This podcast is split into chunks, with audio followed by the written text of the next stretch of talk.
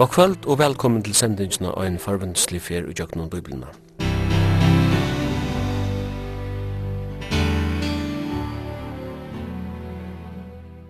Henta sending er at høyre lindene kvart mykje kvöld klokka 19 og endersendt verir frugjelda søgnapart klokka 15.30. Og i studion er jo Simon Absalonsen, Jekvan Zakariasen og teknikar er Taurarne Samuelsen. Og vi dyrir kvöld kommer fram til 17. Pædersbrau Sødna brev Peters er helst skriva stutt etter at fyrra brev Peters var skriva. Omframt at høvundren er den samme, så tidsis malbøkken òsne er den samme. Somme meina at brevet er skriva stutt åren at Peter la i blåvetnestegan i Rom og i åren 8 Peter omtalar òsne deia søyn i hesen brev så leis som Jesus framan undan hei sagt at henta skulden. Eitt av ligla årene i Sødna Peters brev er kunnskaper. Og i medan vanten i fyrra brevene var forfylking, så tidsis vanten i 17. brevene er vera renglærer. Peter sier at folk færre at koma som vilja råpa seg kristin, men som avnokta grunnleggjande kristna samlagar. Besti høylebaur for ikkje å være drin inn i seg vittler er at hava sannan kunnskap om god.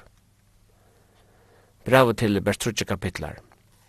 Det byrja vi a fortellja okkur om hvordan stør frelsan er og anmenner om at utvikla kristna dikter som fra halvt tål, godsetta, brauerkærlega og så framvegis. Annar kapittel tåsar om renglær, om vantan og ter refsing i hendan utbrøsla for vi ser. Tredje og seineste kapittel er om eal trøstna til öllun sonnen godsbøtnun, nemlig vaunen om at Jesus Kristus kjemur atter. Og jeg kan ikke huske som jeg lagt ut i å spyrja, er det nekker, er det nekker tøyende måneder mellom 17 brev Peters og 4 brev Peters? Brøvene er sånn skriva av samme høvende, og det er jo biblærer samter om, særlig at det kommer til evangeliske biblærer. Men det er jo mega lykkheider, men det er eisne avviser måneder, og kanskje kan lykka ta som okkar eh, moner Arne tar som lykheitnar. Til dømes er det grammatiske moner av, av brøvnen.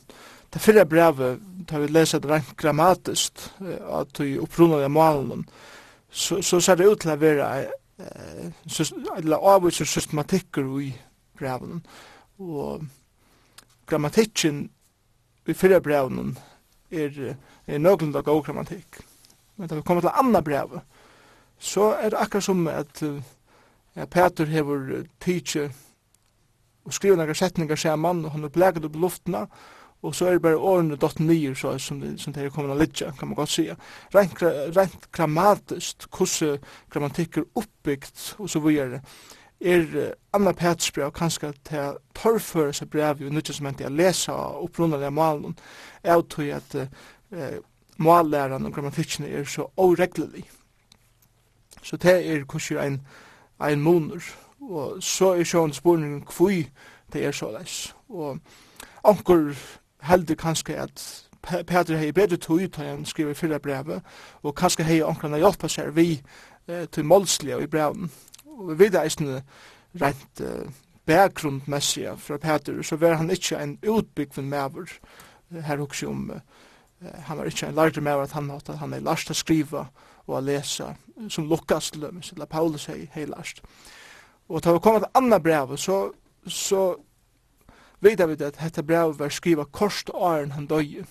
Vi vet ikke akkurat hvordan stod til punter, men nok så, nok så korst og æren. Det kan være han har haft verre tog å skrive, og han har ikke haft noen av oss når hjelper seg vi eh, til målslig og i brevene, og tog har han bare smekket den ned og og papur, eller sjån det var ikke papur ta, men, um, og her, så finnes brev i sted. Så til, til kurser onkre måneder.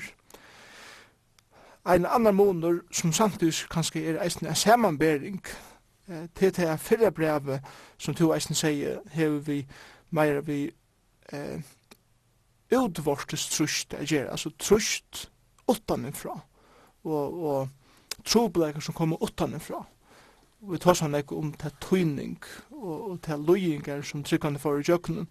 Og Petur skriva i Petur skriva i til, til tryggvande som for i jøkkenen og løyingene eh, om å standa først og utrunne og at heva ene vend av Kristus, selv for i jøkkenen rævlige løyinger. Men tar kommer til annan Petrus brev, så tar han ikke nekv om løyingar som kommer utanifra og vandar utanifra, men heldur kanskje vandar innanifra, altså innan husets vantar. Og det var så hese følsko, eller følsko lærerne og hese lio eh, profetene som han kallar der, eh, som kom inn i sankommunar, eh, og i navnet Jesus er, og i navnet av vera tryggvande menn og kvinner, men vi tog fri eia at, at koma vi skaivun og renglæren inn i sankommunar, fyrir at vidla ja mennesker, og at føra det inn i, i det gamla løyve som de var frelst fra, og få det ut i sint og i siløse og i alle ålevna atter, og at for å få det at venda seg bort fra herren, og eisne for at hei sjolv, altså lielærerne, kunne få eh, vinning bort ur teimen, og bare avhåa i at få nega bort ur du sjolv, kanskje forskjellige, og så videre. Så til til det som Peter skriver eh, i motor i sånne brevene her, ein lykheit som vi sutja, og et tema som vi tar seg i tjøkkenen fyrir Petersbrev særlig, men som eisne avspeklast i øren Petersbrevet er dette tema om nøye. Um, Peter var en maver som er veldig kjent uh, hva nøye er, og han er smakka nøye og atter og atter fra herren Jesu. Eh, som sagt så var Petra en egentlig impulsiv maver, og han var kanskje en ekle oppfærande maver, og en brav maver som alltid eh, var fyrst, og han tåsa i fyrst, og han eh, leip ofta fra maver ut som han sier, og så videre, og ta videre vidt fra hans løyve som vi leser i evangelien, og eisne i apostelsøen. Men atter og atter så kommer Jesus til hans her, og han reiser han opp at det han har sagt for nek, og han hjelper han opp at det han har loven fram av, og han eh, fyrirgav han og endurreist han, til henne, da han kjalt hei av nokta Jesus, at han er fylst vi gjennom og så såleis var, var Peter nomen av hånd til Jesus i jøkningsen i årene som han fyllde svinen. Og så gjerne som han, han levde sitt liv sammen med Jesus, at han og Jesus var, var ferdig himmels, så blei han mestur, meir og meir av sin nøyene som han er kjent for herren Jesus. Og tog er det fyrre Peters brev, ei kjennes så nekve av nøyene, og eisne anna Peters brev. Og til dømes så kjer vi endan av fyrre Peters brev, og i tølte ørende, her, her tås han om å standa stinnur i nagene, ta han helsar eh, ta tryggvand vi endan av brevet, ta han sier vi silvan, så hinne trofasa brover, ta halde han vera, ta vi skriva stått til tikkara, og så skriver han til, for at amena og vittna at dette er, er hin sama nage gods som tid standa ui. Og så er det vi koma til endan av øren Peters brev, så endar han brev vi, vi har sier så løs i agentøren, ørende, han sier nei, vakse i nøye og kunnskap i herre, okkara, herre og frelse okkara Jesu Krist. Hon har vært dårlig med nu og i atler ever. Amen. Så han sier her bare, stande stinn i nagen i, i fyrre og her, her tås han nemlig om okkara posisjon i nagen at okkar posisjon til det er vi standa i nøyene, og vi da finnes som nøyene fra herren Jesu, til en gava som okkar given, som vi standa stinn i okkar posisjon. Hver anna petsbrev er kanskje meira en anmenning om er vaksa i nøyene, og det er kanskje meira vi okkar kondisjon er gjerra at henda nøye som vi da finnes, det er ikke bare nøye som vi skal bare nå og i og, og ikke gjerra bruk av, men han sier nå vaks igjen, det er bruk og, og let henne eikjennast meir og meir og tykkara liv. Så lykka som om han sier at henda nøye som tid av finnje for ønske for herran er nu en åpris tikkun at omsida vel og tikkara liv og til deg at vaksa igjen og til deg at, at genga fram igjen så at hon kommer eikjenna tikkara liv meir og meir. Så her sørger vi nekrar lukkaider og eisne eh, nekrar moner av Hesenbaum prøvene som Peter skriver i.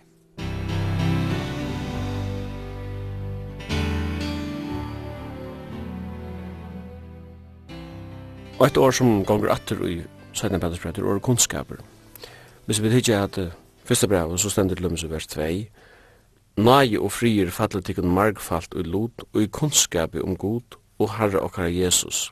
Så sier han vi er nasa vers. Alt du høyr til løyve godseita hever goddomlige måter hans herre givi okkon vi kunnskapen om han. Vers 5. Legger tikkun til øyna vi, og i tryggtekar vi seg dikt, og i dikten kunnskap, og i kunnskapen frahalt. Og vers 8. Ta hetta finst tja tikkun og eigast ledet til at tikkun ikkje standa yrkisleise til avfruktbør og i kunnskapen om Herre okkara Jesus Kristus. Åre kunnskapet gonger atter og atter. Og hvis vi uh, nevner året kunnskap i det, og spyrir oss selv hva oppfattar det vanlige menneska i året kunnskap, så trykker vi at nek oppfattar året kunnskap som informasjon, altså opplysningar. Men er det, er det bare informasjon han tåsar om her? Eller er det nekka djubar? Man sier ofta, at, eller man hører ofta folk sier at en, en maver som er kunnskap kan, kan uh, være maver til en kvinna som er en gengand leksikon, som, som hever en rikve av vitan og en rikve av fakta eh, som det ber vi i høttenen. Så er det her en suja av kunnskapen. Men uh, tar vi tås om kunnskap, så, så hever han sjående nekvar imiskar sujer. Og Bibelen brukar andre ord i sin kunnskap, til dømmelse om at hava vitan kan eisen se man tenkjas for kunnskap. Men et annet ord som Bibelen brukar eisen til at hava at vera visur. Og, og det er kanskje meira vi at her er gjerri at, at hega rettar avgjerir ut av situasjonen som du er stu i. Og til, jeg tykker at det er bæg aspektene av hessen her som Peter brukar tog at um, ta tals om kunnskap, så, så, så halte jeg at vi eier at heva nokre fakta som vi, som vi må vita, og vi må heva avvisa vitan om imsk områi fyrir at, at kunna tega rattar avkir innanfyr teg områin. Men, men ofta gløyma vi til søyina, nemlig at, at heva eh, visdom, at være visur i at tega rattar avkir innanfyrir imist. Og, og til det som Peter legger dent og herbeint. Til dem som ui just her brevnen, og i øren brevnen, så, så begynner vi å si som Peter, eh, til han apostel Jesu Krist, til de som har finnet som og dyra bør trygg som vid, vi rett hos gods og felser okkar av Jesu Krist. Så sier han, nøye frier, fattel tikkun mark, fattel lot, og i kunnskapi om god og herre okkara Jesus.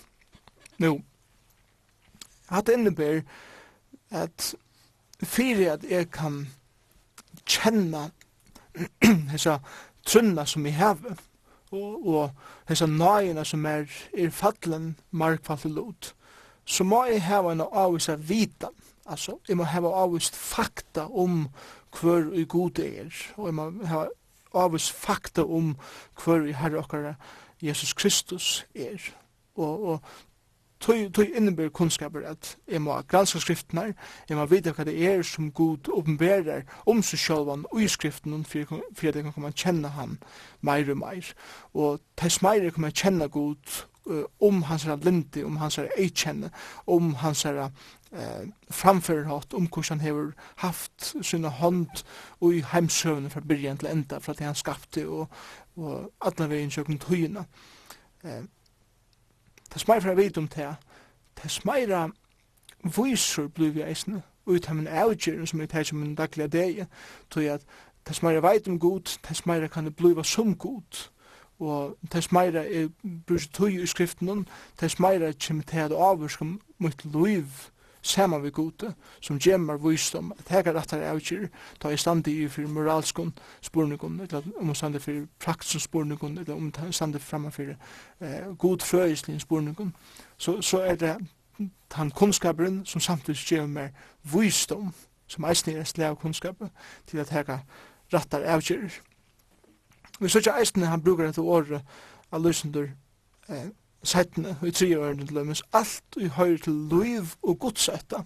Så her kommer til det praktiske søgene, av som kunnskapen, hever godomlige måter hans er giv i okkon, vi kunnskapen om han. Så her synes jeg vi grundaleg, jeg må vita, og er jeg kan utliva det som jeg veit, eh, som kallar okkon til dord og kraft, eller vi kraftsynet. Men så kommer vi til femte vers, i fyrsta kapitlet. Og her sier han, Letje tikkun to just eina vi ui tryggtikkara a vysa dikt. Nå, Letje tikkun to just eina vi. Om jeg skal teka nekar avgjur i mun løyve, og jeg, jeg, sete meg nekar fyrir, det er det som han sier, jeg bare, tikkun eina vi, vi gjør nøyrum, sete tikkun fyrir, at gjer hette tikkara løyve, og og at ut arbeid og utvinna tikkar trygg for Herre Jesus, og i fyrir fyrsta er vise dikt. Og her sier han til moralska dikt, at, at jeg, jeg er dikta ryker i munnen uh, moralska avgjøren. Så sier han, og i diktene kunnskap, det vil si det samme som, og i munnen, uh, i munnen moralska løyve samme gode, må være, det moralske avgjørende som det ikke må, må være grunndager av det som skriften lærer om moral. Og så sier han, i kunnskapen frahalt, tess meira veit om hva Gud sier, tess bedre jeg kjenner god, tess bedre eh, sjålkontroll for jeg heva, det er samme som år frahalt er sjåldisiplin, og, og tess meira kjenner god, tess bedre for han temer halda mer, som hjelper meg å være en frøhaldende medver til det kommer til moralske avgjører og ikke fattelig og sint eh, tog vi vikjent. I frøhaldende noen tål så heter det at jeg halde ut og i tål noen godsøtta at, at innskje at glede god først og fremst og i godsøtta noen bra og kærlek. Så min kærlek til god for at eh, fytla meg vi bra og kærlek til andre mennesker og særlig til det tryggvand men i bråkærleikken kærlega til öll mennesker.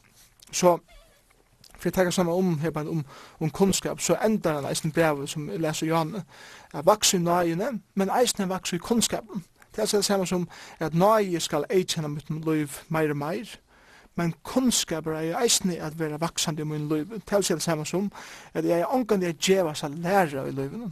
Jeg er granska og få meir og meir vitan innom mitt høyt som eh, som gjør meg mer og mer fakta, men for at den kunnskapen og den vitene kan bli til visdom, så må det komme fra høtten til hjertet. og det er det som skrever min karakter, det er det som skrever mitt lente og min eikjenne, og, og det er det som Peter Eisen sier. Læt dette vite komme ned i hjertet, så, så det blir til visdom, så du kan lære å få det her ut i fingrene det er det samme som at du fører det inn i din daglige det, utfører det i din daglige liv. Og det er å være vaksende og at halde å lykke til i ferie i, i grøvene. Så det er kunnskaperen som til en bibelsk kunnskap. Det er vitan, men som eisen samtidig er visdommer, praktisker og godomlige visdommer for mitt daglige eh, liv i min gjerensdeg. Hvis vi sammenlokner det vi en person som eh, øyer nære oppskrifter, metoppskrifter, kojebøker og badgebøker og alt dette forskjellige, og øyer tilfære til å gjøre mat vi, men til å gjøre ikke gav en kokk for det. Det skal nære mer til, og det er ganske akkurat det samme som hender, da vi tar om, om bare informasjon, bare en leksikon, og så hit, ja, man kan omsida vidanna til nære praktisk godt, til måneder middelen eh, information og kunskap.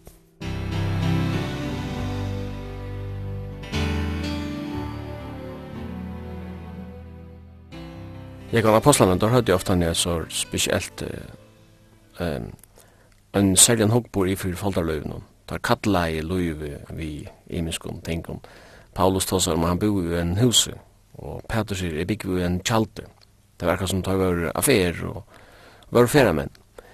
Og her sier Peter i fyrsta eh, kapittel i 17. brevet.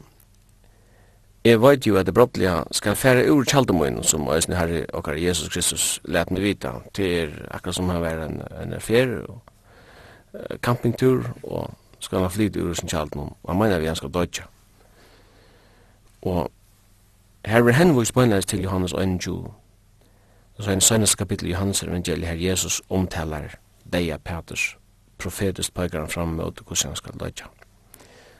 Og man mener også at Peter døy stått etter at han skriver i hette brev her. Men man mener også at man vet hver i Peter døy og også hvordan han døy. Det kan du kanskje fortelle om syndrom. Ja, ja. Jeg nevnte jo an at det er jo fleste evangeliske bibler er, er, er, er en mål om at det var Peter som skriver i eisen i andre Peters brev og ikke bare festa.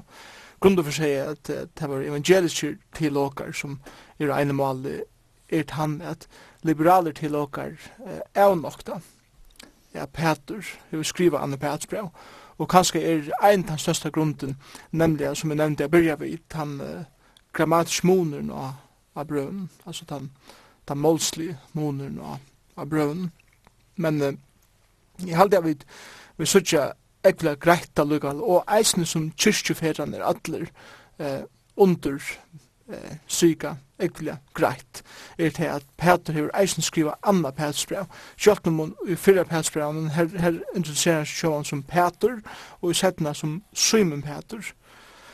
Eh, der brukte nøvnene på nekvar imiska matar, og vi vidar eisne et trea namn fyrir Peter, og til Kefas, som han eisne vil kalla Så det er ikke en trobeleik.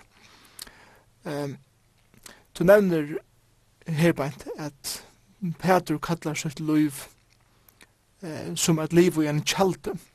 Og han sier bare, til å lese 14. vers i 1. kapittel, at han skal fære i ordet som kjalden noen, og som Herre okkar Jesus Kristus let med vita.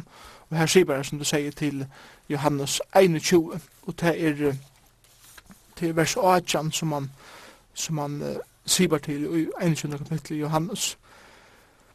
Her sier Jesus vi Peter beint etter at han har sagt vi han eh, elskar du meg og før seimen og før lampmen og så videre. Så sier Jesus vi Peter og i 18. ørende og i Johannes 21 sannlig sannlig sier her ta i to verst yngre gyrde to til sjolvor og først, her du vil det. Men ta i tu vir gamal, skal du ratta ut hendur hennar, og annar skal gira til, og leia til her, tu ikkje vilt. Nujundørende.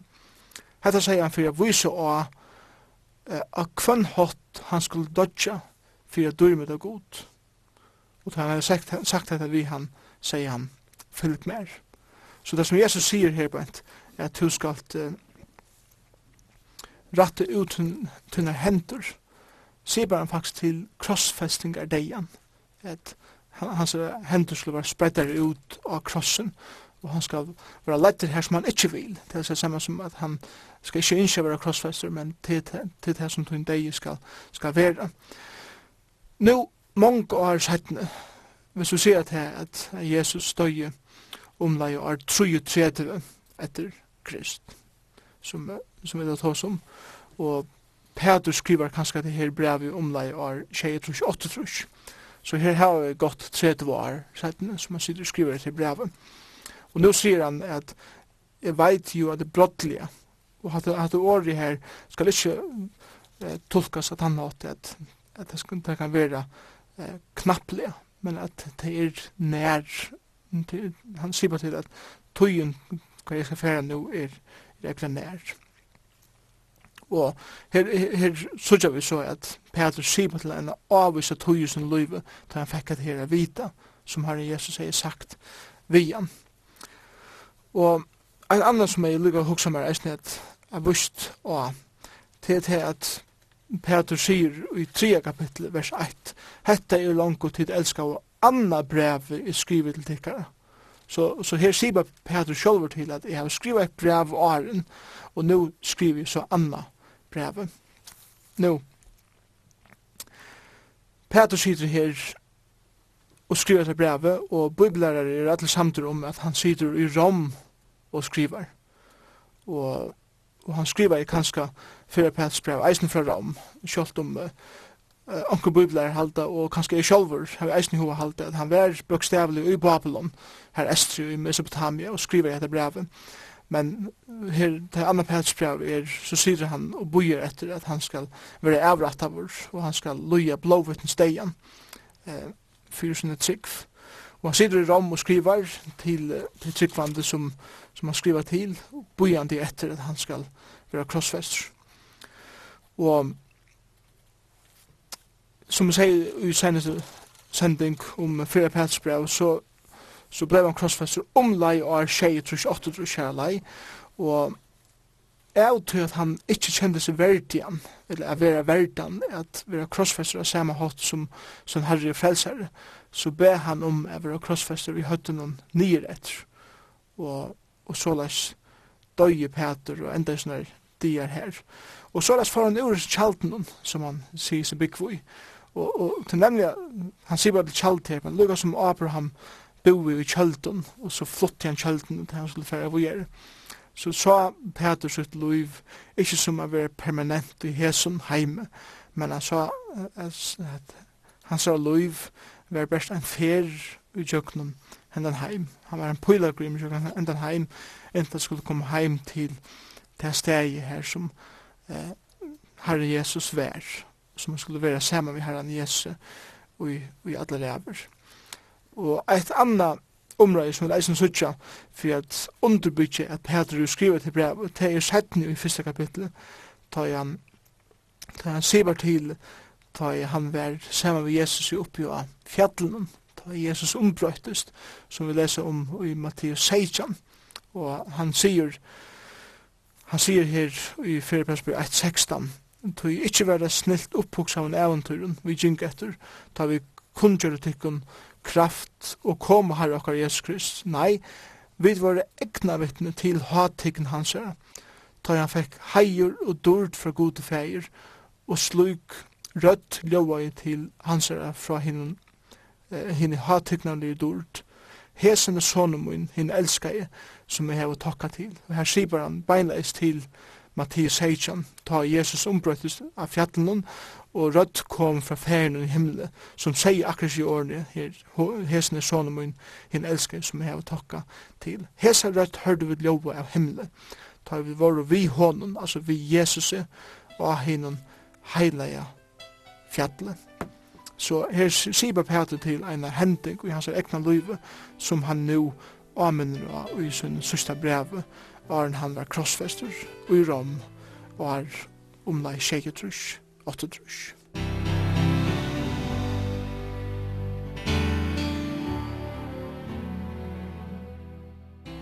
Jeg var en kossu, bøyde du brevet opp? Ja, det er jo imenskyr matar som jeg, som jeg alltid sier at bøyde brevet opp. Alt etter kossu leser brevet og alt etter eh, kossu bøyde eh, skilja brevet. Men eh, ta jeg kom til brevet, så sørg jeg først og fremst eh, tru endamål vi brevet, tru endamål fyrir at Peter skriva i, og han tar om oppbygdingsene. Og det første endamål vi at skriva brevet, til er at at etja sunne leseren, at ei kjennast av godomlion ei kjennan. Det er at liva sitt liv som god innskjer deg til liva sitt liv. Så at heva rattan livsstil er det første. Og det sørger vi særlig i første kapitlet, men så eisen i sørste ørende og i tre kapitlet og eisen ørende. Men anna endamålet vi brevnen, det er sjående at avvære imot lige læreren og falskon læreren som kom inn i samkommunar, at, at uh, få folk fra sunnen heilige og, og reina livet sammen med Kristus og føre det ut i atlan olevna og eisne undervisa dem om skaivar godomligar eller godfrøysligar lærer og han avvarar sjånum mot tog og så innanfor det tria så skriver han fyrir at uh, uppmuntra til tryggvande uh, at leva sitt liv sikrande, sjalt om falske lærere kommer inn, og kanskje eisene er tøyning utanifra.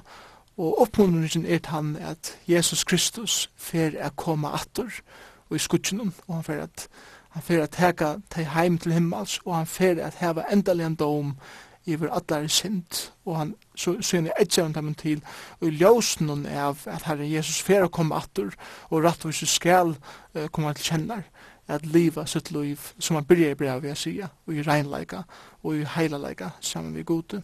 Så det er det tru endamalen vi, vi ørum Peters brev. Ta i bøyde det opp, så så tju det tvei fyrste ørene som inngeng til brev hver han hver han introducerer seg sjølvan som Peter. Han sier hver han er, han er tænare og apostel Jesu Krist, og han sier til hvem han skriver, og til teg som har finnst så mot dyra burde trygg som vit, vi rett for så godt som frelser okkara. Og så gjerne gjør han en helsan, som er pastor engangsen i ørenvers, nage og frie fattel til marfa til lot, og kunnskapen er god og herre okkara Jesu Kristus. Så det er inngangeren til, til brevet. Som jeg ofte har sagt, så så, så var det hesser her høvendander nekv logiska jeg vita ofte er i okkara måte jeg skriva brev på. Da jeg får jeg brev i posten, så må jeg fære helt at til endan av brevene, for jeg sutja hver det er, eller hver det er som skriver meg dette brev, så at jeg kan lese brev i ljósen av hver det er som skriver det. Men eh, Paulus og, öll, og Peter og alle hinn som skriver, tar byrja brev, vil jeg sier, Paulus, eller i hesen føren, Simon Peter, tænare og apostel Jesus Kristus. Så til inngangren.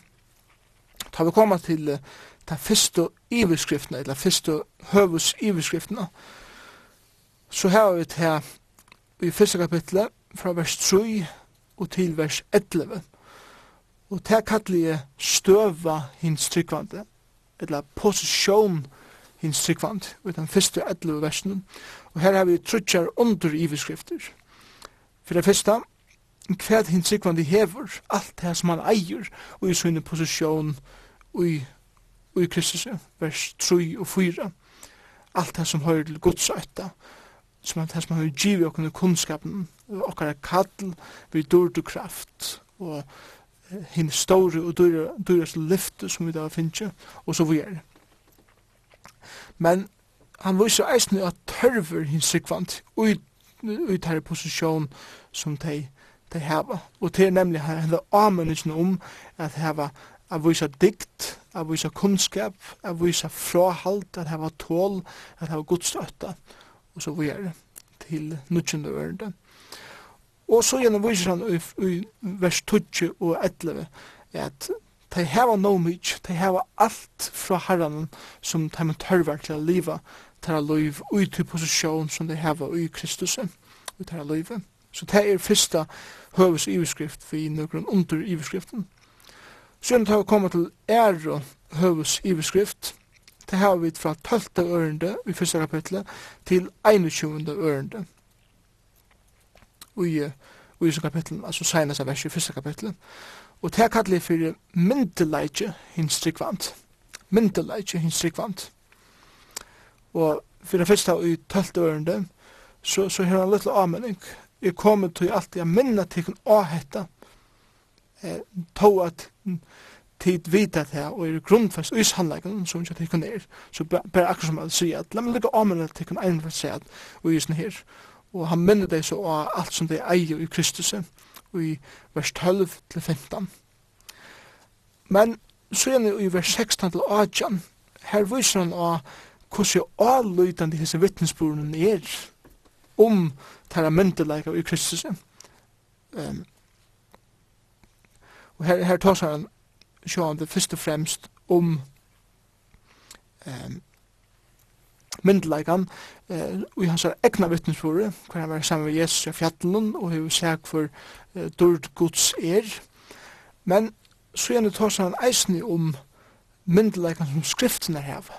Myndelagan i hans båskape, myndelagan i strikvande er skriftene heva Og det var han så å selge i, i uh, 20. og 21. ørend opprunnen til Bibelen. Um, først og fremst må du vite at anki profeter i skriften i givi av egnare tøying, tøy aldri nekar profeter komme fram vi vilja menneska, nei, drivner av heilige andanen, tala av heilige menn gods. Så han viser her at skriften er fyrst og fremst åpenbering Guds og i djøkken heile andan som gav og iver, kan man godt si, iver stort ut ham månen som han utvalgte å skriva skriftene nere på fyr og det som han som god yngste at få fram i skriften. Så det er ånder høvs i skrift, myndeleis, i hins tryggvand. Da vi så kommer til tre høvs i skrift, det har vi i øren kapittel og til alle andre, alle andre kapittel eh, fra vers 1 til 22 og det er vandar hinstrykvand kallar det fyr, vandar som hins hinstrykvand kan koma ut fyr for det første, og i den første Simon versen i øren kapittel, her, her lyser han lige lærerne ei kjenner eh, henne følsko lærerne eller ei kjenner lige lærerne og i den første Simon ørnen. Det er avmakta herran, og her viser han først og fremst at her lærer spurningene som det lærer skreft. Det er avmakta herran, det er det samme som det er avmakta kristologiene, for Jesus er, så at han er fullkomlig god, og han er fullkomlig menneske. Det er avmakta eisende bådagjerne, det er fullkomna versk Jesus er krossen, eh, det er, han sier avmakta herran ui kjepte teir, så det sier bare til bådagjerne. Og og han, han viser akkurat eikjendar i trigjørende. Der er hava tjujir, der vil hava ljódan vinning, så, så til det som eikjendar. Og i tamon nastu ørnen, fra vers 4 til vers 12, her sier han til hva bojar ligelæreren, og det er domer som, som bojar dem. Han, han gjør nekkar eh, myndir og noen døme fra gamla sement og i som versen. Så gjerne fra vers 12, setten i helt av 12 vers til og i vers 19, her lyser han løyvstøylen til hans folkeskolæreren. Og her gjør eisen egar myndir av hvordan løyvstøylen er, bæg fra naturene og eisen fra gamla sement. Og så gjerne ender han eh, andre kapittel og i fjore høvs eh, underiverskrift for at lysa domen som kommer iver lilærer. Så kommer vi til fjore høves iverskriftene, og det er så eh, 3 kapittel vers 1-16. Og det er fremtøy hins tryggvand. Så vil jeg bare se, for det første eh, posisjon hins tryggvande, eller støv hins tryggvande, for det andre myndelag hins tryggvande, for det tredje vantar hins tryggvande, og så nu, nu kommer vi til det fjore, framtøyens tryggvand.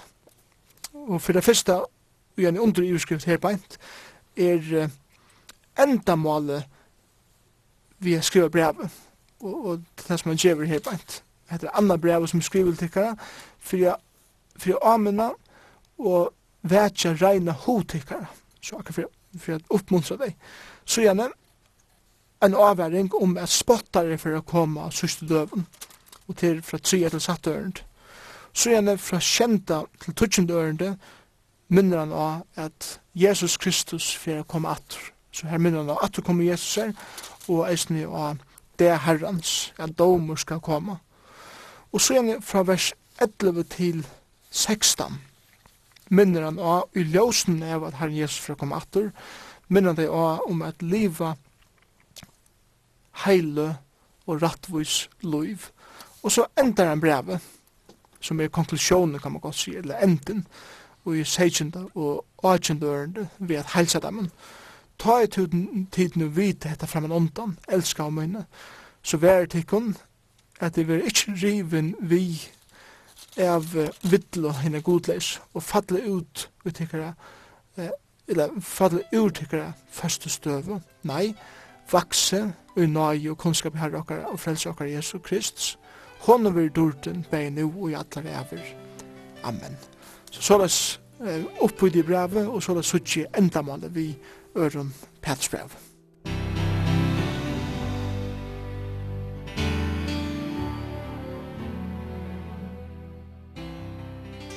Og som Peter legger dent av det han skriver til, at han var eiervittnen til Jesu liv.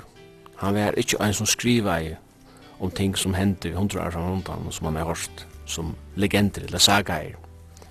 Han sier, det var ikke snilt opphoksa en eventyr vi gikk etter da vi kunne gjøre til kraft og komme her oppe Jesu Krist, når vi var egna vittne til hatekna da han fikk høyr og dyrd fra gode og slug rødt ljøy fra honom, fra henne hatekna lir dyrd, hesen sjån og henne elskar jeg, som jeg har takka til. Det var ikke alle mennesker som så Jesus og opplevde han, som var egna vittne til hatekna. Men Peter har en særlig oppleving som han omtalar her. Ja, det er ikke livet det. Og da han selv kan si jo i sin breven at han er et egna vittne, så gjør det han sjående beina ved hessen breven en, og, og hans er bådskap jo en, en omødelig storan myndeleika. Og som eisen beina sier til at at er til han er et egna vittne, så er hans her vittnesporer avløydant. Og, og det videre vi sjående eisen ta vi koma til en rattarsøk eller hva det så skal være, så er det sterskast og vittne, egna vittne, det som man ser at vi sin egna egen. Og som vi vet, så, så var Peter en av de nærmeste vinen Jesus er. Og til avverst, ta vi, ta vi hittje i kjøkken evangeliene, så, så heier Jesus en omedelig storan eh, omgangsskæra, kan man godt si, Han tar ören ett folk som han om eh, som omgängas han i, i sin løyve. Eh, vet att det, att det var flere tusen folk som flokka oss om han for å få eh, bämät og grøying og så videre fra han. Men så vet jag det at han eh, sendte ut halvfjers lärarsveinar at kunngjøre evangeliet rundt og i Judea og Samaria og æresenner. Men så vidar det eisen til at han hei en skæra på 12 lærersveiner som han fylltes vi daglig og, og som han vær sammen vi, som han opplærte og, og som han nevn vi og han særlig hatt.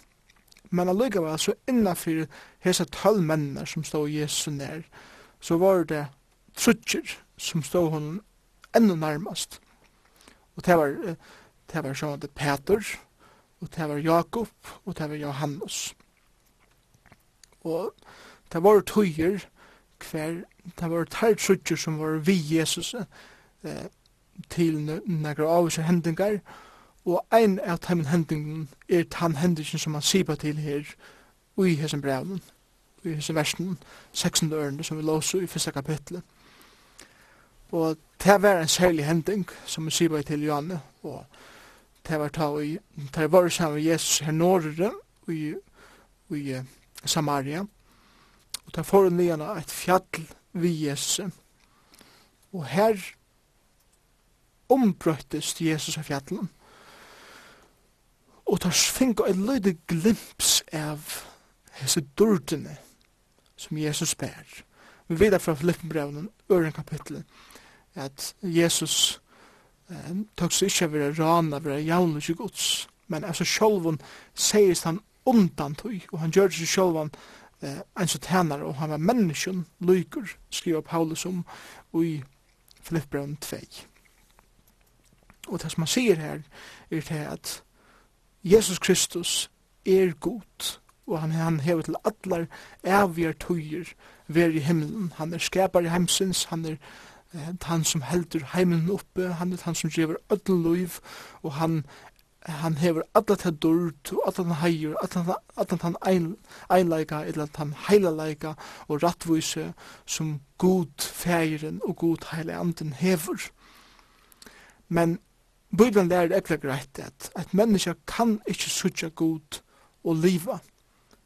til er så heilaver og så stor er god. Tøy uilat Jesus er et menneske likam, fyrir at fjæle seg dordene som, som skuiner ut fra han. Og tøy var det at her kunne fylgjast vi Jesus. Men så er det akkurat som til tøyer og i vi Jesus er, gav Jesus et lite glimpse av hans dordene som han, som han innebær. Og ein av dem løtene var nemlig her oppe i fjallet, at her suttja Jesus ombrøttan, og skynand saman vi Elias og Moses her av fjallen og tar høyre seg røddene av himle som sier hesen er sonen min. Sjåne sipan til Jesus. God færer sier hesen er sonen min hinn heilige som jeg heve eller hinn elskar jeg som jeg heve takka til. Og og Peter sier Leta dem bytja okkur trudja bostægir her oppe. Så her er godt å være. Og trakk som han sier at, at hentan posisjonen som er i beint nå, vil ikke fære ur at, at, det er så godt å være her.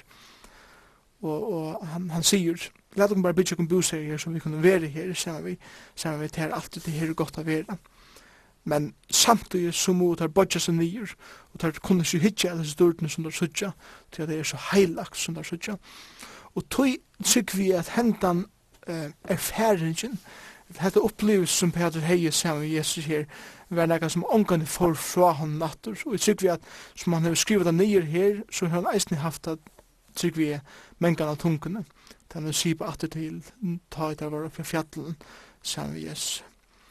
Og det er vært nekka helt, helt særligt. Og der kommer jo åmann fra fjallet sammen med honom og teir eh, høyde oppliva nekka som kanskje ønskna annar hei oppliva sem Jesus og til koma eikjenna Peter alt hans er loiv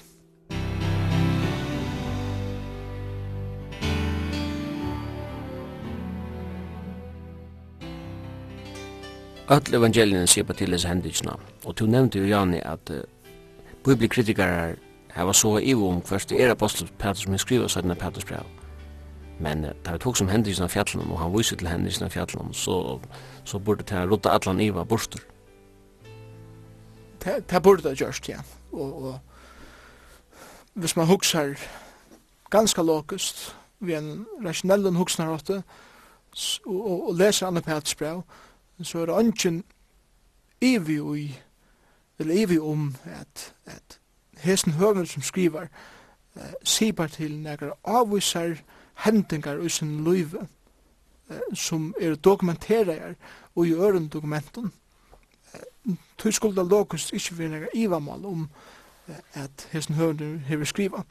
Tøy at ta vi samanbera vi andre skriv som er utanfyr til bibelsk skrivene, så er det her nemlig eit av største argumentet tja eh, folk som leser gommel skriv. Nemlig at omhengsen høvnen sibar til et eller annet som kan søvliga stedfestast. Så er det et av største preggefyre hver i høvnen er. Og andre sitter tro er det spurningar vi til. Men nu, nu kommer vi til Anna Pels brev som hever anker trobleikar, kanskje uh, målslige trobleikar, og, og det er kanskje sindringt å skilja akkurat hvor vi til, jeg sindra måned, ja, Og så har han bare hakt som hoa, bare ruttet alt, og feie alt av bornen, og, og avnokta alt.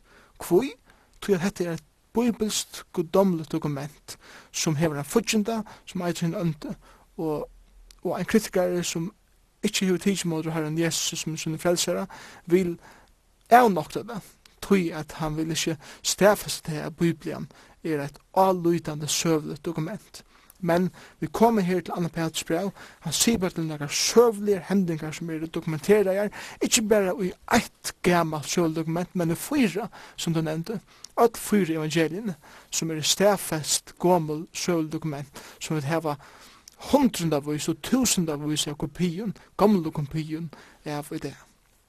Og tog må vi komme til Anna Peters brev og si at dette er nega søvlet som kan dokumenterast, og tog er det fullkomlig og alløytant, og Peter skipar her nega hendingar og sin løyve som han er egna vittn til, og som stendur, eh, stendur fullkomlig imot öllun kritikki og öllun, eller allare skepticisme som kan komme i sin brev. Og så kan jeg godt si at, at i skolen, det her lærer vi om mengt og mykje som hendi i fatnaöldene, i mykje tilbor, men som i rønde ver er negg verre søvlig dokumenterer enn det hendik av stand i Bibelen. Ja, det, det er ungen i det, og, og vi, vi sørger det atter og atter, og til dømes til vi lesa galsk skrutsjene, eh, så har vi noen helt få handrit av heimen, nokre helt få kopier som öll datera så, så, så lengt atter som til 1000 år etter Krist.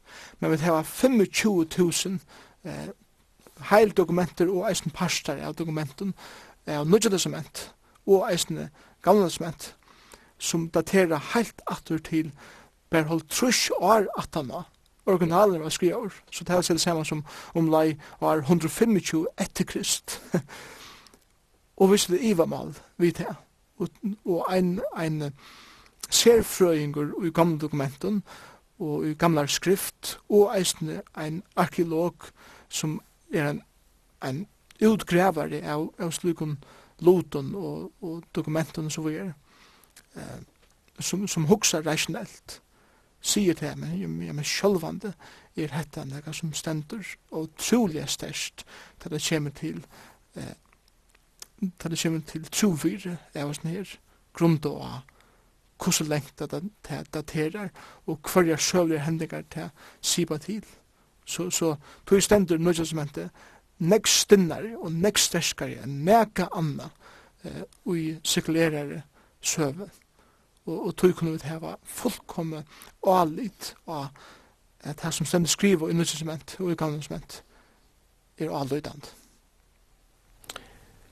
Så kan jeg slått dere nevna til at en av som Sokrates, som er mange over metter var en av største filosofen som er i livet, Han etterleser andre skrifter, men eneste personer som er skriver nega om Sokrates, det var Platon. Så uimynda vi dokken er Platon, omgang det jeg har skrivet nega, så er det ikke vi en sal av akkurat gjøre det som, som jeg vidat det, at mer om Sokrates nega til livet. Hette her, som vi sier her, at Petersi, vi var egna vittne til hatikken Kristus her, til vel dokumentera. Hvis vi fyrir vi er, så sykja vi at han omtalar òsne Guds år, altså det profetiska år, så sier han at uh, det kom ikke fram heldre av tilvild. Og han byr deg akta etter de profetiska åren. Tui drivner av heila av andan tala i heila i menn Guds. Vi ørnåren så anmenn pæti òsne om at det her var skrifter som ikkje er varnar til er så at han sett nye å skriva, men det var drivet av Guds and, og han bidde akt etter du. Og vi må ha større grunn til akt etter du, det at du tok så, men vi tar jo alt mye som hentet, det hadde det ikke da. Ja, til, til ønsken, ønsken er jo med det, og det som Peder Skipar her til, og i hessen bare versen, er sjående først og fremst til gamla, gamla testamentlige skriftene som uh, som tar høtta, og eisende tei prøvene som langt var i sirkulasjon eh, middelen samkommunar. Og det som Peter sipar til her er for det første, profetåret. Profetåret er åpenbering gods. Og det er det samme som det som han sier her, er det at det året som vi heva fra gode, høyt vi ikke haft, og hadde du ikke vite om utan at det var god som i sunne nøye avgjørte at åpenbæra det fyrir okkom. Så, så det som han sier her er det at, for det første, vi tar det ikke vite om det her, hvis god ikke er tidsi første initiativet til at leta okkom vite hvor han er, og han er givet okkom til, eh, for det første, ui, ui, heimsøvende, som han oppenberer seg sjålan i kjøkken hendingar, men eisen til at han utvalgte seg noen folk til at dokumentere det her nyer, for at kommande atterlig kunne de heve det her avskrift, og så, igjen, og så det suttja hva det er som god hever gjørst. Paulus sier bare til at her vi oppenbering og i øren Timotheusbrevet som vi tar seg omta, hver han sier öll skriften er innblåst av gode, og han nyttelig til lærdom, og så videre. Og, og til at året her innblåst, eh, som vi ofta sier til, og vi kan så ha hoa bruka et annet år som vi kallar for at inspirera. Skriften er inspirera av gode. til er kanskje et sindur vidlegende år vi okkara mål tog at ein, ein musikar kan være inspirera over å spela vel, eller et skalv kan være inspirera at, at skriva eh, nega av og snir. Men tar vi ta som året innblåst, så er det nega som sier til at dette er nega som er kommet ur munnegods, ut av munnegods, som er kommet fra gode sjolven. Og det er det som Paulus sier til all skriften, det er alt gamle smente og alt nye smente er kom ur munnegods, ur personegods, eh, ur innasta dype gods. Så gjerne var det han tilgångden som, som får fram hvordan så hette året var eh, skriva nyer. Hvordan er det året som var skriva nyer avløytant? Eit er det at der få et her fra gode, og det der sørger hvordan god arbeider, og så dokumenterer det nyer. Men spårningen er, er det avløytant? Og her er det Peter som er inn her bænt og sier, aldri var nekra, nekra profeter kommet fram vi vilja menneskja, Det var selv som at det er bare sett seg nyer, sjolver, og skriva på synar egne hoksaner om det som det er observera, og det som det er sov, og det som det er hørte fra gode. Han sier, nei, så er det sikkert ikke fyrir, sier Drivner av heile andanen, tala og heileir, men gods. Så det er selv som at her kommer heile anden inn i myndina, så at god sjolver kommer inn i myndina her beint. Og han sier at det var hele anden som dreiv teir. Og et år i et driva er et år som merker at heva kontroll av. Så, så til dømes, det kan jeg mynd, eh, ein høvendur teker penn i hånd, og han skriver nere på pyr vi som pennen. Nå, instrumentet, eller amboi, som skriver nere på pyr, var penneren men penneren skriva ikkje sjálfur. Det var høvenderen som helt i pennen og skriva, eller brukte pennen til å skriva til nyer av papiret, som høvenderen yngste, yngste skulle komme nyer av papiret. Såleis er eisene eh, teir personene som god utvalgte seg og her kallar han der heilige menn gods. Såleis var teir penner gods, kan man godt sige. Og i så sjálfun hadde han ikke kunnet gjørst men god brukte det som en penn at skriva nyer til som god sjolver yngst skulle komme nyer av papiret. Og ta en sier bare til det året å være drivende og til å være kontrollere av av. Og det var ofta brukt eisne om, om skip som er hevnen, at, at det er vinteren som fyller sekle som gjør at det driver av sjånen og kommer fram fra punkt A til punkt B. Og, og til vinteren som som fører det fram. Drivner, ja, eller skipet er drivet av venten, her som mennene var drivner, eh, kontrollera er, kordu fram av heilig andan, og tar tala av det som god yngste skulle komme fram, tar skriva av nyer det som god yngste skulle komme fram. Og tog er det vi kunne si det, at Bibelen er fullkomlig avlydande, og i ötlun, og, og hon er utan nekra vittlo, og hon, hon er utan nekra feil, og i sunnen opprunalige handrytum. Og grunden fyrir at det sier opprunalige handrytum er nemlig at han er at ta ut hei opprunalige handrytum var skriva i, var det fullkomlig utan nekra feil. Så gjerne det hese handrytum kopiera i, atterlig, at han er atterlig, at han er atterlig.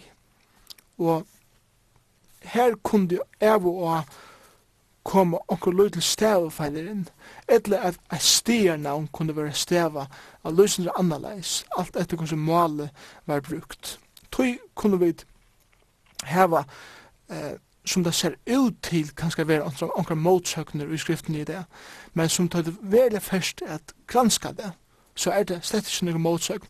Det ene som måneder kan være at det er anker stavsetelser som er stava løsende annerledes enn eh, det kanskje flere ølder åren.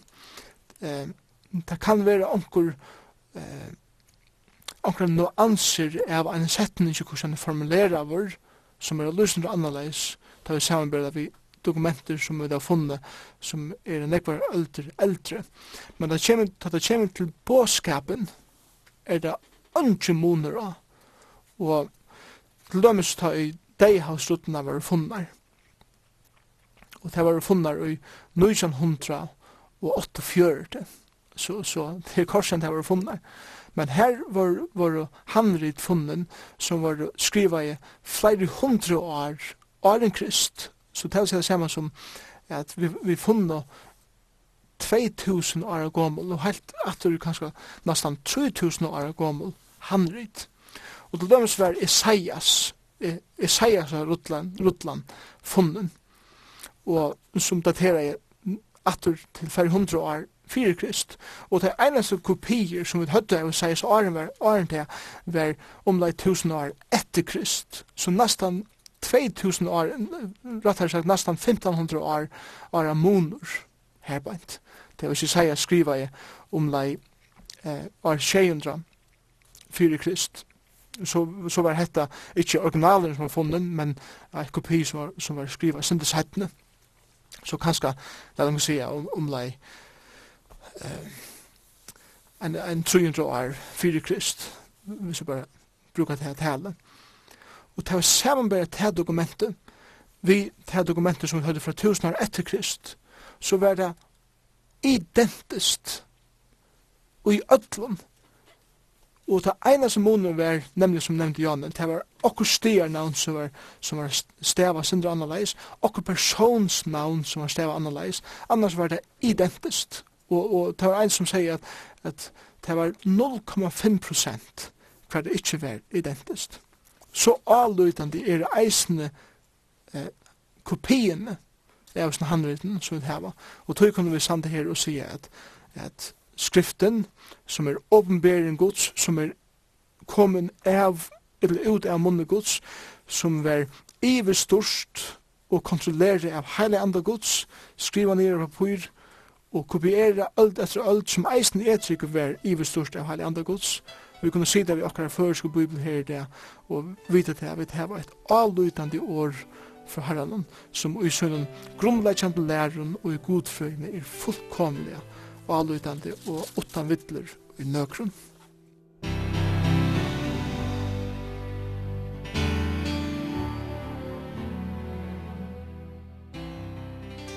Annar kapittel han har vi inne i, og du nevnte det at han tog sånn ikke om lilærer, eller renglærer. Man kan sætta seg sjálf om spurningin ofta, hva er en renglærer, eller nær er en, en lærer så skaiv, kan man si at hon, at man kommer inn under det som i mjølen kallet vi kettarar. Vi vet at det er at Luther og Calvin tar vi ikke alt samt, tar hadde sunne diskusjoner, og det samme kan sies om, om John Wesley og George Whitfield og i Ånglanden, tar hadde sunne korrespondanser i middelsøyn. Og det er vi ringt å finne mennesker som og og teologar som og einun og allan og allan detaljen er 100% samtur og allan utan. Men men nær tosa vit om regulära renglare. Ja, at han utrolig torfer spurningar, faktisk.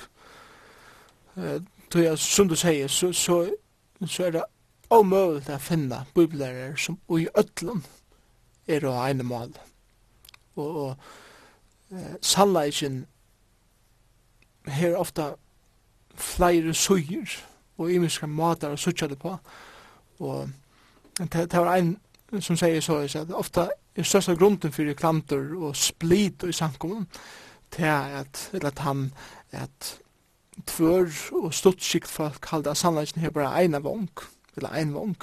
Hver sannleggen kanskje ofte er tvervengur som en flikkvar hever tvervengur for å kunne flikkva og jeg ofta eh, mente sannleggen vi ein Jimstein som er ein sannleggen men hever nekvar imiskar suyer ja, til sannleggen Og tog er det ringt å si hver er henne grensen til at bli en lygelærere. Men allikevel, så er det noen områder hver er ønsken i vi om hver grensen er. Og tog er det vi må byta sannleikar opp, kan man godt si, i kategorier. Og det er noe som vi kallar for primære sannleikar og for sekundære sannleikar primære sannleikar er, er nekar sannleikar som vi sier at her må vi standa av einu mål og her er bara ein suja av hessne sannleikar og alt utom det er ligelære. Nå, for jeg kommer til andre pætsbrev, så, så har vi noen døme her om det. For det første, så er det læren om Kristus, hver Kristus er. Og han sier her bare at hese lige lærerne som er kommet inn i samkommene, og han sier her bare kommet snøytjande inn vi øyende viddelæren. Så, så heter lysingen som han brukar, det er sånn lige lærerne. Er for det første at her er nok da herren. Og det som han sier bare til her er nemlig ein trobeleidje som vær til stier i samkunnen i fyrste etter Krist. Og det var gnostisismen som sier til at, at Jesus var ikke fullkommen god. Jesus var en maver som var føtter, men som fekk eina naturliga, eller rett og slett, eina ivenaturliga og godomliga natur i seg da han ble døptur, men som får fra natter, og ikke et semene, eller Arna var krossfester. Og, og tog vær til som Jesus gjør det av krossen, det er omgang tøytning, som så. Jesus var en god maver, som sette oss noen fire meter, hvordan vi skulle leve akkurat liv. Så det er nok av å goddomleika Jesus er. Det var eisen hinsujan, eh, av vittlare som kanskje kommer lukken setten. Og det, var nemlig at det er nok av menneskelig og natur og Jesus, at Jesus var fullkom menneske som får i jøkken alt det som menneske får i jøkken og han var bare en, en ivenaturlig personer som var god og, og som ikke får i jøkken ega velja løyingar til han var god Boar hese her suyuna er lilærer tog at det gjør okken ikke en fullkomna mynd av hver vi Herren Jesus Kristus sier at han er fullkommen god, samtidig som han er fullkommen menneske. Så, så det er det samme som, for jeg, for jeg tenker til okkara, de uh, og okkara, avgjør om hva det er ligelære, så, så vil jeg sagt at, at ligelære er ta i folk avnokta hvor Jesus Kristus er, og det som skriften lærer om hva Jesus Kristus er.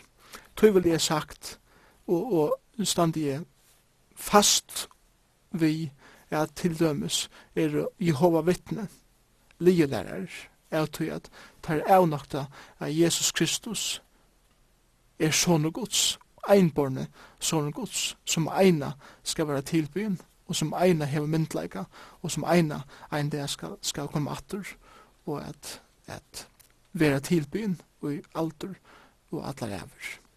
Somleis eh, kjer vi fyrir anna her beint at et anna omrøy, hver det blir lilæra det er bodagjeren eller det er fullkomna versk Jesus er av krossen det er at det var blå Jesus her som hun golde for alle okkara synd, og det vil trygg for Herren Jesus Kristus og hans her fullkomna versk og krossen for, for menneskene som, som frelse menneske og som gjør synda fyrir kjeving og at det er ønsken annar vevor at du inni samfunnet vi god enn i tjøkken herre Jesus Kristus og hans er blå og hans er fullkomne versk av Jesus eh, av krossen og til at han er opprisen fra henne deg og at han er opprisen til opprisen okken til syndafyrkjøving og, og til rattforskjering og såleis i tjokken Kristus kunne, kunne vi komme inn i et nytt samfunnet vi god da vi var født av nødgjøn da vi sett akkurat alit og herre Jesus Kristus. Og eisne til at Frelsan er av nage eina, og til en gava som ikkje er av verskun, men av nage. Det er samme som at all som sier at det som Jesus gjør det av krossen var ikkje nok for at vi kunne komme inn i et forhold vi god at er ligelær. Og de som sier til at vi må ut innan noen versk fire er vi kunne komme inn en samtale vi god. Det er eisende ligelæra. Det er å nøye eina og det er trygg for eina at vi kommer til Herren Jesus Kristus. Jeg sier til at vi skulle gjøre hattar, eller vi skulle oppinna, utinna, eller, eller oppnåa hattar eller hitt og gjøre så sånne god versk er ligelæra. Og, og tog er jeg og medelig knivskåren herbeint. bænt. Og og er, er, er nok det alt som, som tekur dørtene fra Herren Jesus Kristus, og er, er nok det alt som regner leggja nega at tret til fullkomna verskjenen som Jesus til demus eh, gjør det krossen. Så her er, her er tvei omrøy som er beina i skampeika og hva det er ligelæra i det. Nå, vi har omedelig nekvar sekundærer sannleikar i skriftene, som vi kan hava imenskar åskåner om, men som allikevel ikkje fer at eh, skilja okken knivskarst. Så la meg gjøre noen dømer opp at det eisne. Eh, her er fyrjun. til dømes her vi brøra samkomna og vi har pinsa samkomna som, som boar trykva og fullkomna versk Jesus av krossen, og eisne kvør og Jesus Kristus er. Men tala kjemen til til dømes eh, ter andalige nøye gaver, så har vi kanskje imiske måter at oppfatta det her på, og eisne avtøy vi har imiske oppfattande på det her, så praktiserer vi det eisne, og imiske hatter. Det er ikke noe som får skilje oss sunter, Det er bare nega eh, som, som vi praktiserer annerledes og, og som vi gjør annerledes. Så, så det er ønsken trobeleidje vi tog. La meg tega et, et anna, et anna døme, da det kommer til stil og så videre. Um, den lotterske kyrkjan i fyrjun hever sånn stil vi, vi eh, sånne kyrkjegongt og så videre hver brøðarsankumann hevur sin egna stil for sína møten, og hver pinsasankumann pinsasankumannar hava sin stil for sína møten.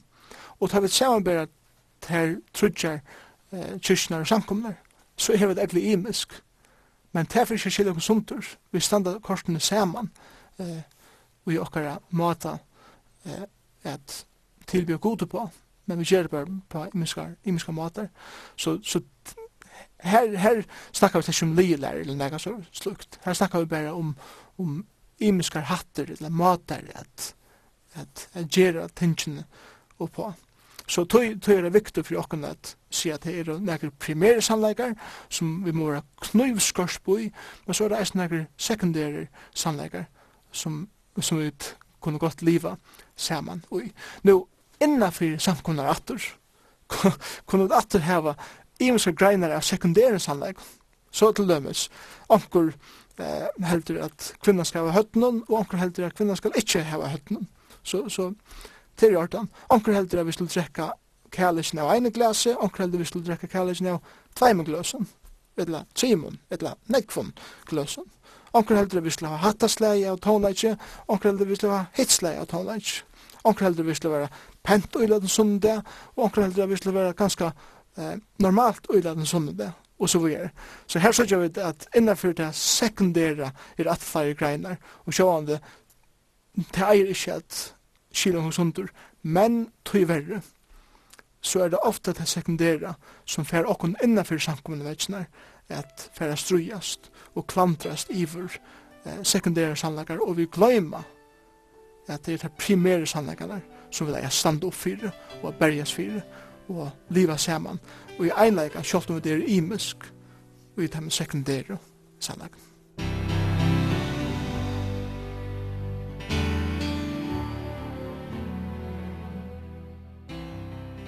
Ja, man kan ha imiska meningar om hvordan størst altarsvågene skal være.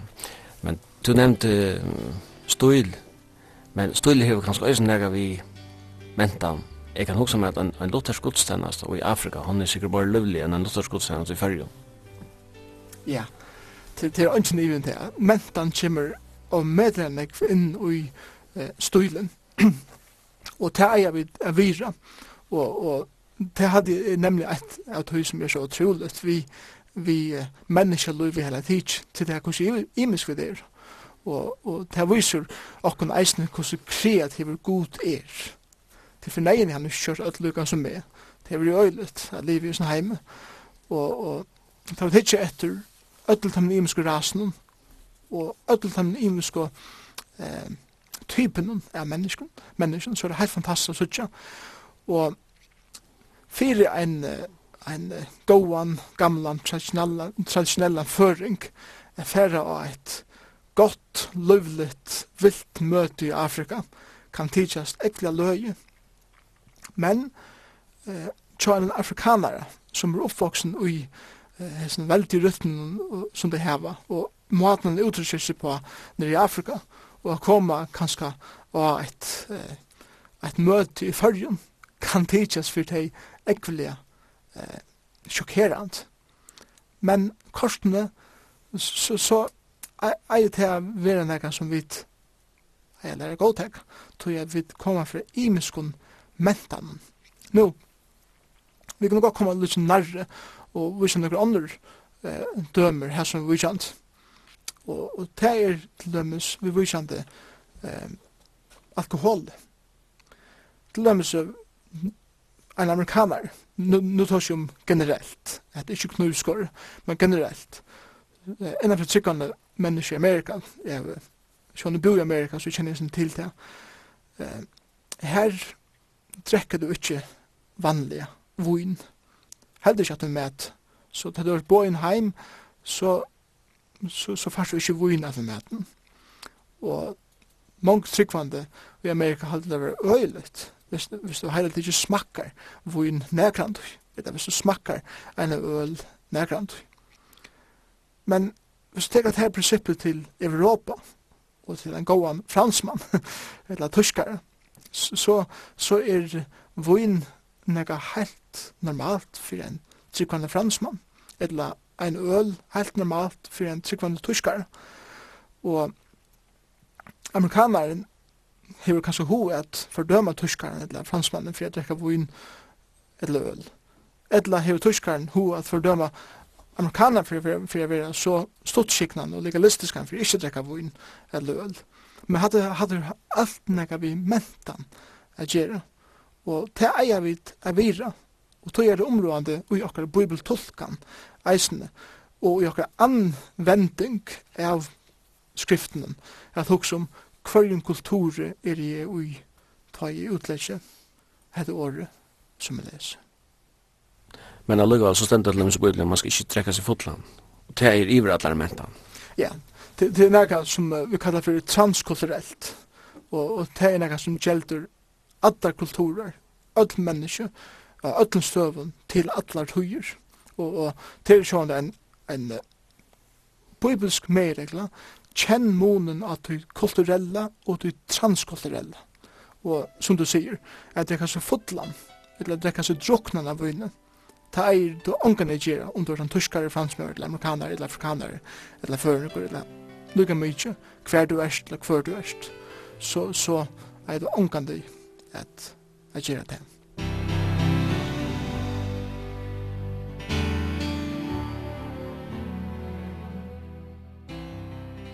Jeg var en sørste kapittel i 17. Peters fra til altså 3. kapittel. Her tåser han ikke om Jesu at det kommer. Han tåser om, om det herren som skal komme. Han tåser om det som en dag vi brei og vi røye og vi døme iverheimen, men han tåsar eisen om vøvnene for han kristna.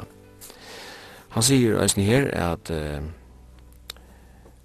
ta inn alt dette løse sunter, altså himlene skulle forgenga og frummainen løse sunter, som han sier. Ta inn alt dette løse sunter, hvordan øya tid ta ikkje a stevne etter heilegjer ertfer og godsøyta, medan tid vanta og skunda under kom og godsdag som skal gjera at himlene løse sunter i elde og frummainen brana er brennande hita. Vi vet at det er det nekka som man kallar for atomorska, det er velkjent men her stendur det nemlig at frumevne skulle løysa sundur i brannande hita. Og det er just det som hender i en er atomsprønging, at det er frumevne som brøyta sundur, og det utløyser den energien som er, ligger intakt i atomen. Nok så sjalsamt, jeg så ikke det her, jeg skriver av en mann i første alt. Ja, yeah det det kan man gott säga. Och här kommer jag inte alltid till det här att det här mäver som er som er ivestort av Hallanda gods. Jag skriver det her. Jag sikker att, att man kan ta i Peter och att eisen hinner hövenden här och skriva att det är nio så har det klarat sig hötten. Hva det är för något som er skriver.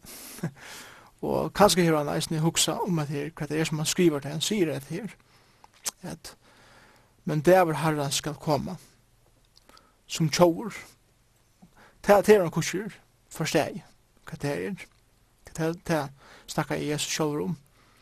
Men tørs til himmelen for gengu i høren dona, frum evnen løysa som du i brennland hita, og jøren og alt i henne er å brennas opp. Og dette, dette viser okkon eina for enn at god gjør okkon a lydig glimps av eh, hva det er som får henta i framtiden. Og selv om atomer og alt sånne er noe som visenden for slutten sujan, eh, har funnet her, og det er energi som det innebærer, og den tanskia som det gjør, det har er eh, utløst. Men her, her gjør god og en, en lytla myndi av at det er som er her min hånd, og det er som en det skal utløse det her og det er som ein det skal eh, hava sørste år jeg sier, da enden kjemur, og at himmel og gjør skulle forgenka, og her er en løyde glimps av matanen som jeg skal utinna til på. Men jeg kan nå gjøre til dæbra, så stendur tre kapitlet, så, så er det aller, aller sørste vers i braunen, altså agenda vers, det er et, et, et positivt punktum fyrir braunen Ja, til ønsken i om det, og til det verset sier så er vakse og i nage og kunnskapet Herra og frelser okkar Jesu Kristus. Honom vil durden bæg nu og i allar æver. Amen. Og det er ønsken i om at, at det her verset er et likla vers og i ørenpætsbrev. Og det er kanskje en, en av grunden for han, at han eh, boja vi hans versen til, til seinast. Og han sier, vaks i nøyen. Og her sier han til nøyene som han har kjent, og til nøyene som ein og kvør som ser seg til alle det Herre Jesus Kristus kan kjenne. Tog at frelsan er en gava fra gode som er grunda av nøye gods og nøye gods til okkara, til nemlig til at til å få nega som vi alls ikke har oppebåret og som vi alls heller ikke kan vinna mer vi verskon, eller at vi som er sjolver røyne er gjerra, til nekka som er å oppo båre, og til nekka som ikke kan vinna mer, og til nekka som er finnje fra herran. Og så kan ein og kvar teka imot til som gaven i det, som Herre Jesus bor ein og kvarjun som kjem til ham. Og han sier vaksju i snøyen, let han, let han fylla teka luiv meir meir, meir skilja hana meir og meir, og livane ut ut ikkar livet meir og meir, tjeve øre menneskjen hins nøyina meir og meir. Og til lukka eitt vers, for jeg det samband vi nøye, og i 3. kapittel, og til nudgjende ørende, og her sier han nemlig at Herren er ikkje seinfører vi lyften, tog at summi halde det vera seinfører. Nei, han er lengt maugjur for tikkara skuld, og så er det her selja som hukk om. Så han vil ikkje at neger skal fortepast, men at ödel skulle koma til omvending. Og her så gjør vi et nøyene atter og atter, at folk kunne kanskje si det, kvi er god så under at han leder folk fære til helvedes. Men det som Peter sier her, er det at god råpar for at bjerga folk fra hos rævlega, at etter løyve utan Kristus før til helvet. Og tog at han boja lengt møyer for, for tarra skuld som enn ikke kjenner han, fyrir at hei skulle komme til omvending, og han kallar, han kallar av menneske enn i det, og jeg tror han kallar just nu, som vi sier det her, av menneske som tid lusta, eh, her som det er, han kallar at hei bant nu, han råpar at hei, han sier, til nøye for det jeg får. Jeg ønsker at gjøre til nøye, jeg ønsker at frelse det, jeg ønsker at vise det at du kan komme til omvending for jeg ser det til allit, og at det er fullkomne verste som Jesus har gjort av krossen, at han døye for det, om du kastar denne en han, og kastar denne synd av han, og byr en fyrirgjøring, så skal han frelse det, og til det som han sier her, Nøye er å få av kjæren Jesus Kristus. Og han sier eisende, vaks i kunnskapen om Herren, okkar Jesus Kristus kommer vi kjenne han bedre. Let han bli en større og større parst av tekkara løyve, så du kommer kjenne han personlig, kjenne hva han er, kjenne hva han har gjørst, kjenne hva det er som han fyrir gjerra, kommer kjenne frelsene og frelser han meir og meir, som er Herre Jesus Kristus. Og så sier han, hånden vil durten, ta alt som til alt, så dreier løyve seg ikke om meg sjolva, men det dreier seg om han om Herre Jesus Kristus, og tog er det han skal få dørten av heiren og valde og i allar æver. Bæg nu, herra gjør, men eisen i allar æver, det er hine menne, handa solene, så endar Peter ved å si, Amen, det er, det være vera som jeg har sagt.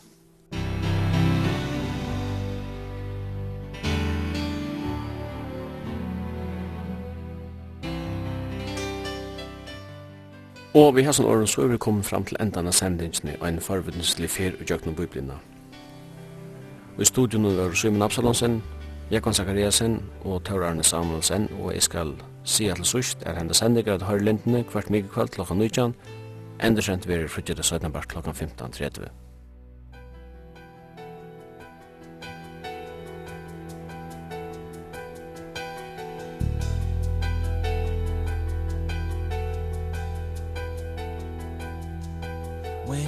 the sleeves He ain't just putting on the Ritz.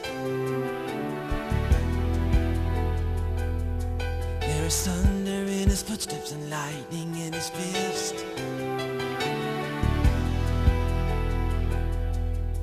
The Lord wasn't joking when he kicked him out of Eden. It wasn't for no reason that he shed his blood. His return is very close and so you better be believing That our God is an awesome God. Our God is an awesome God. He reigns from heaven above With wisdom, bar and dove Our God is an awesome God.